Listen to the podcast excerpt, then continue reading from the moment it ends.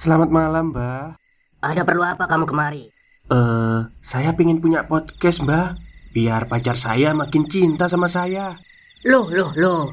Mau bikin podcast kok tanya dukun? Sekarang kamu download aplikasi Anchor.fm. Di situ kamu bisa buat podcast gratis dan podcast kamu bisa didistribusikan ke platform mana pun. Dan di aplikasi atau website Anchor.fm juga terdapat fitur-fitur yang memudahkan kamu untuk membuat podcast. Oh, gitu ya, Mbak. Kalau gitu, saya boleh minta password wifi-nya, Mbak. Buat apa? Buat download Anchor.fm, Mbak.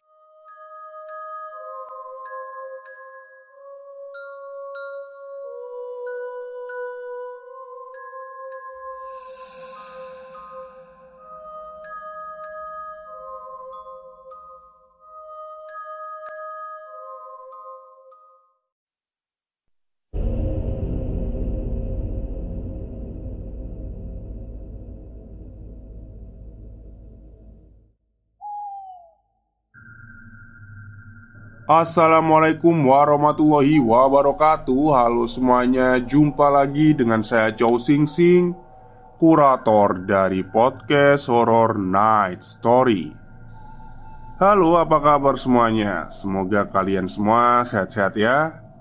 Dan seperti biasanya pada siang hari ini Saya kembali dan akan membawakan sebuah kisah mistis untuk kalian semua Kisah mistis kali ini saya datangkan dari treat horornya Mas Bagir Alaidrus Yang mengenai uh, Yang menceritakan ya maksudnya Yang menceritakan tentang tiga orang wanita Atau gadis Yang sedang berlibur di sebuah desa yang misterius. Oke Daripada kita berlama-lama Mari kita simak ceritanya Semenjak pandemi melanda, banyak orang yang merasakan perbedaan dalam hidup mereka.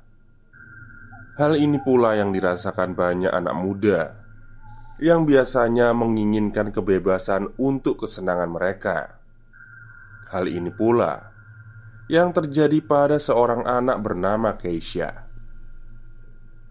Dua tahun terakhir ini menjadi pengalaman hidup yang paling membosankan baginya tidak pergi ke sekolah, tidak bisa leluasa bertemu teman-teman, dan yang paling buruknya, masa-masa SMA yang harusnya jadi bagian terbaik dalam hidup harus sirna karena pandemi.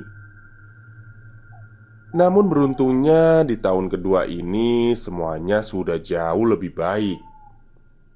Keisha bisa pergi keluar dengan leluasa tanpa harus merasakan ketatnya protokol kesehatan. Walaupun di beberapa tempat masih ada yang menerapkan protokol yang ketat. Keisha adalah anak tunggal. Ayahnya sudah lama meninggal. Ia tinggal bersama ibu dan juga neneknya. Keisha bukan anak yang akrab dengan ibunya ia justru lebih akrab pada neneknya. Di suatu pagi, Keisha bangun lebih pagi dari biasanya karena dia merencanakan pertemuan dengan sahabatnya, Karin dan Tasya. Mereka merencanakan perjalanan ke taman tengah kota yang sudah mulai dibuka untuk umum. "Keisha!" panggil ibu.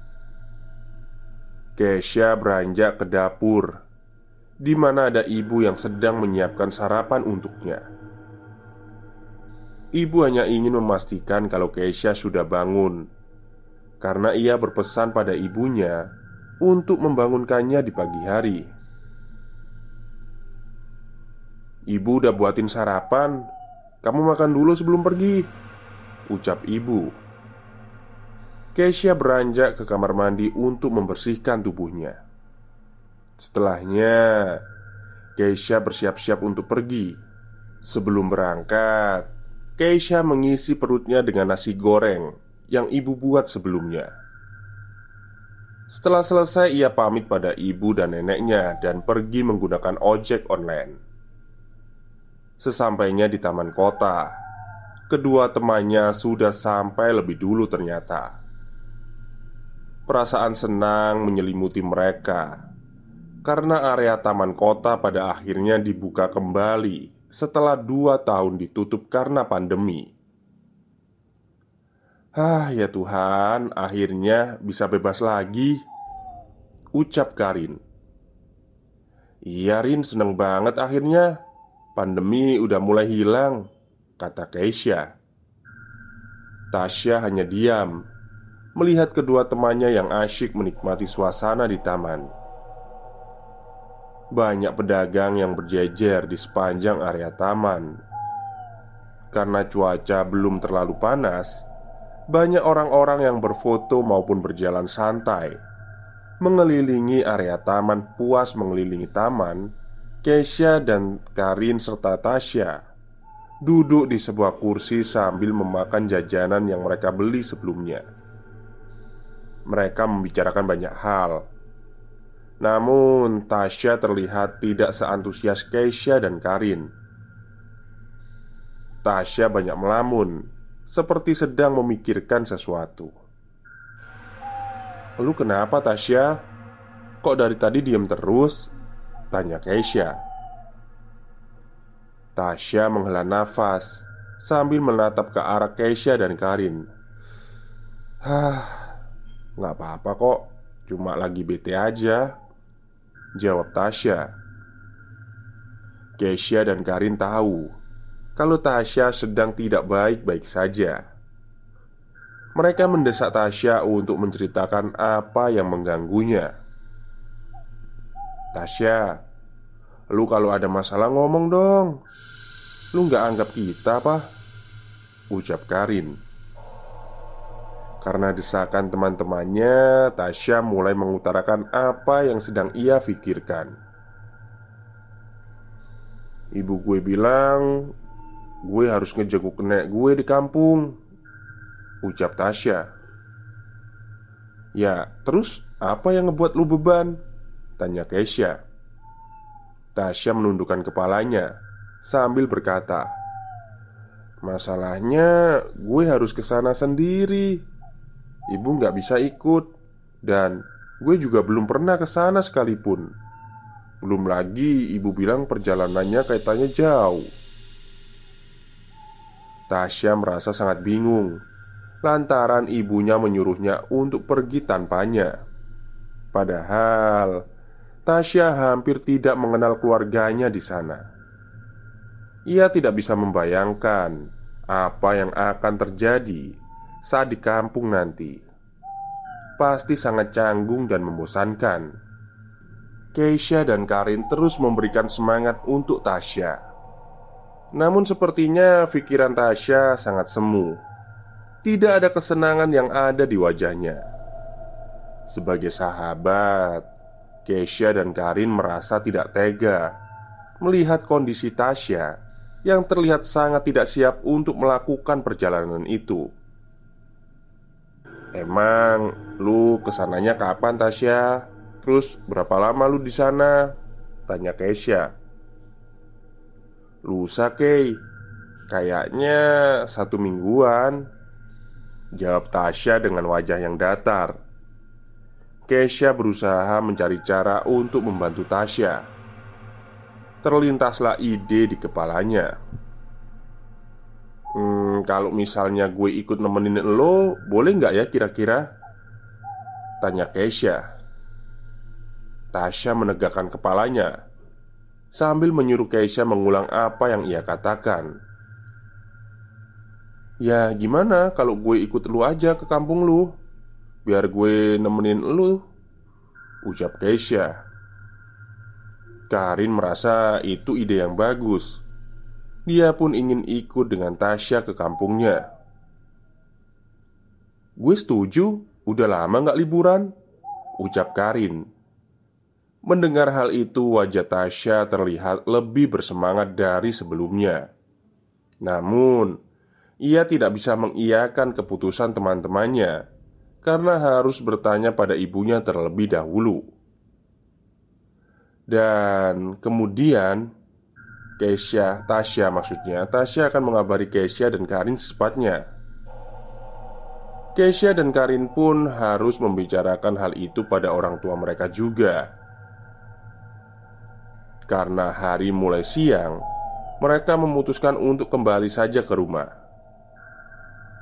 Sesampainya di rumah, kebetulan sekali ibu sedang menonton di ruang tamu Keisha mendekat ke arah ibunya dan mulai membicarakan rencana kepergiannya ke kampung Tasya.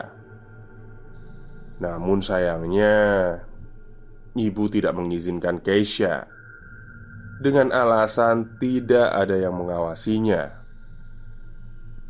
Dengan lantang Keisha terus meyakinkan ibunya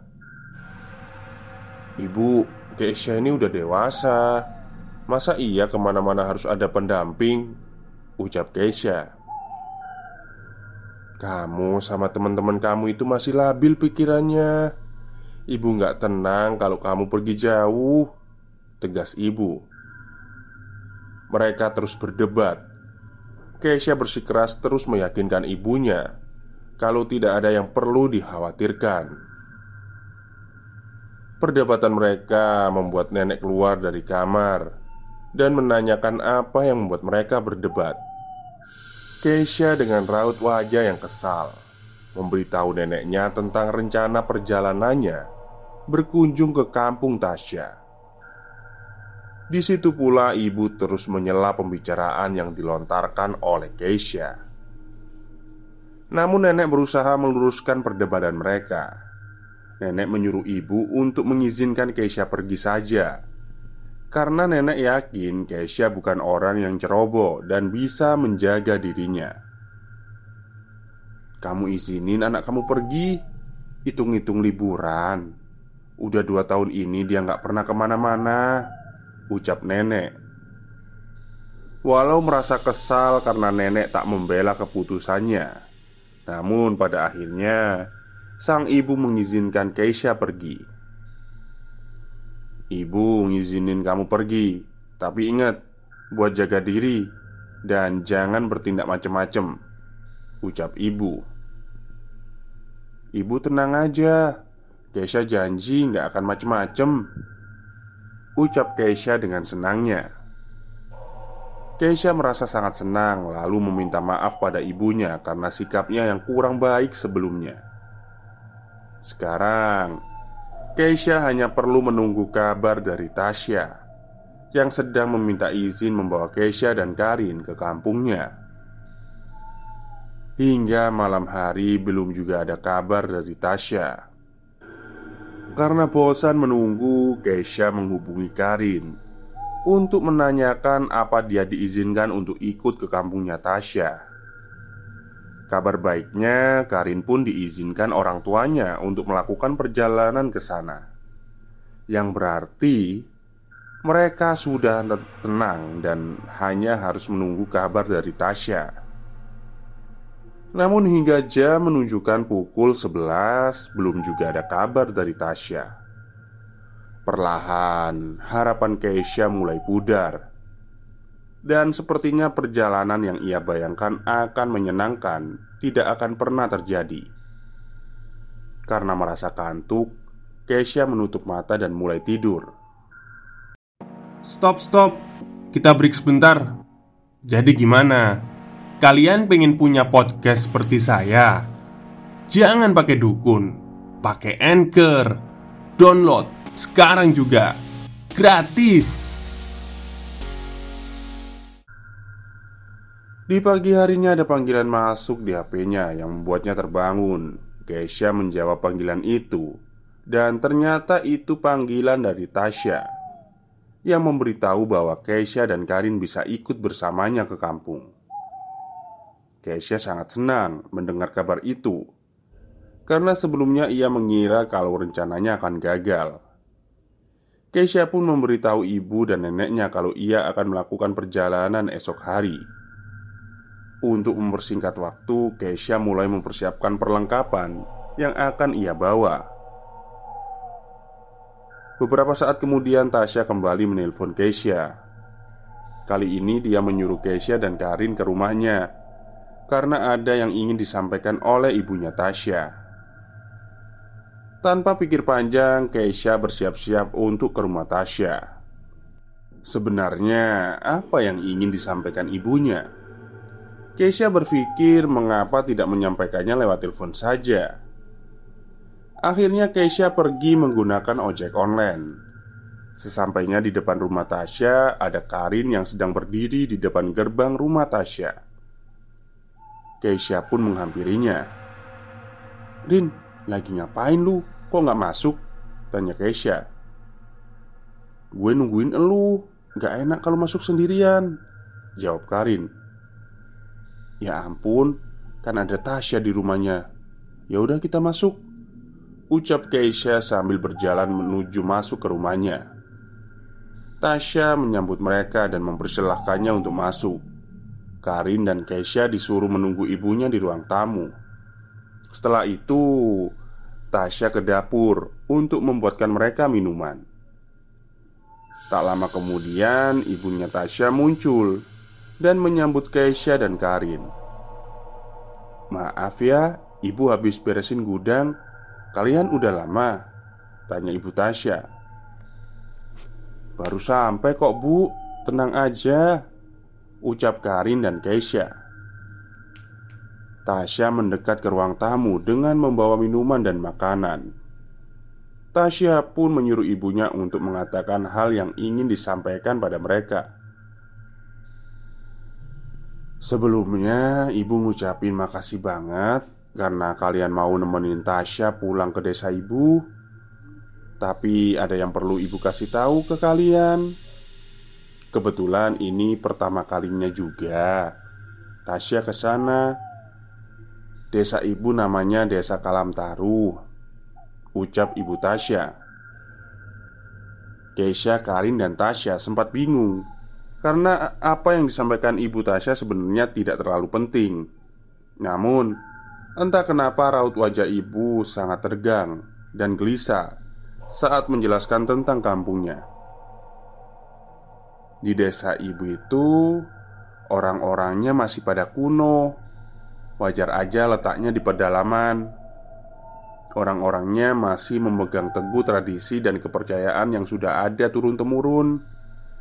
Ya, jadi ibu harap semoga kalian terbiasa ya dengan hal itu. Ucap ibu Tasya lagi. Oh, gitu, Bu. Kita sih nggak masalah Soalnya kita nggak macem-macem kok di sana Ucap Keisha Iya, ibu percaya Dan satu hal lagi Kalian jangan pergi sembarangan Maksudnya itu jangan pergi ke sembarangan tempat Tanpa pengawasan penduduk di kampung itu. Soalnya di wilayah itu masih banyak hewan liar. Pokoknya di sana ada pamannya Tasya.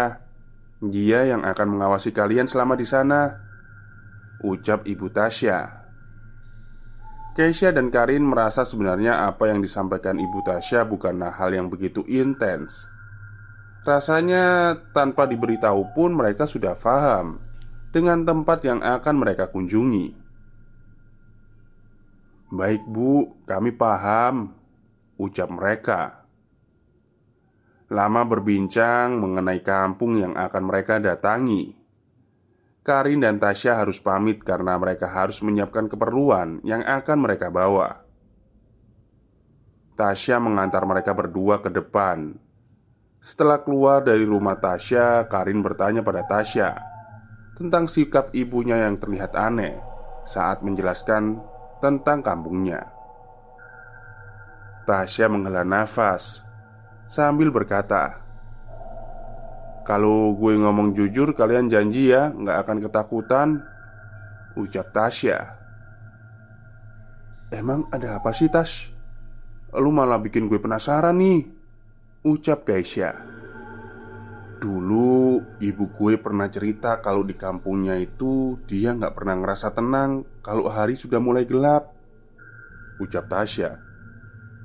Ya wajar aja lah Tas Kan kata ibu lu wilayahnya itu terpencil dan ada di pedalaman Dan di malam hari pasti banyak hewan buas berkeliaran Ucap Karin Tapi ibu gue bilang Ucap Tasya dengan suara lirih.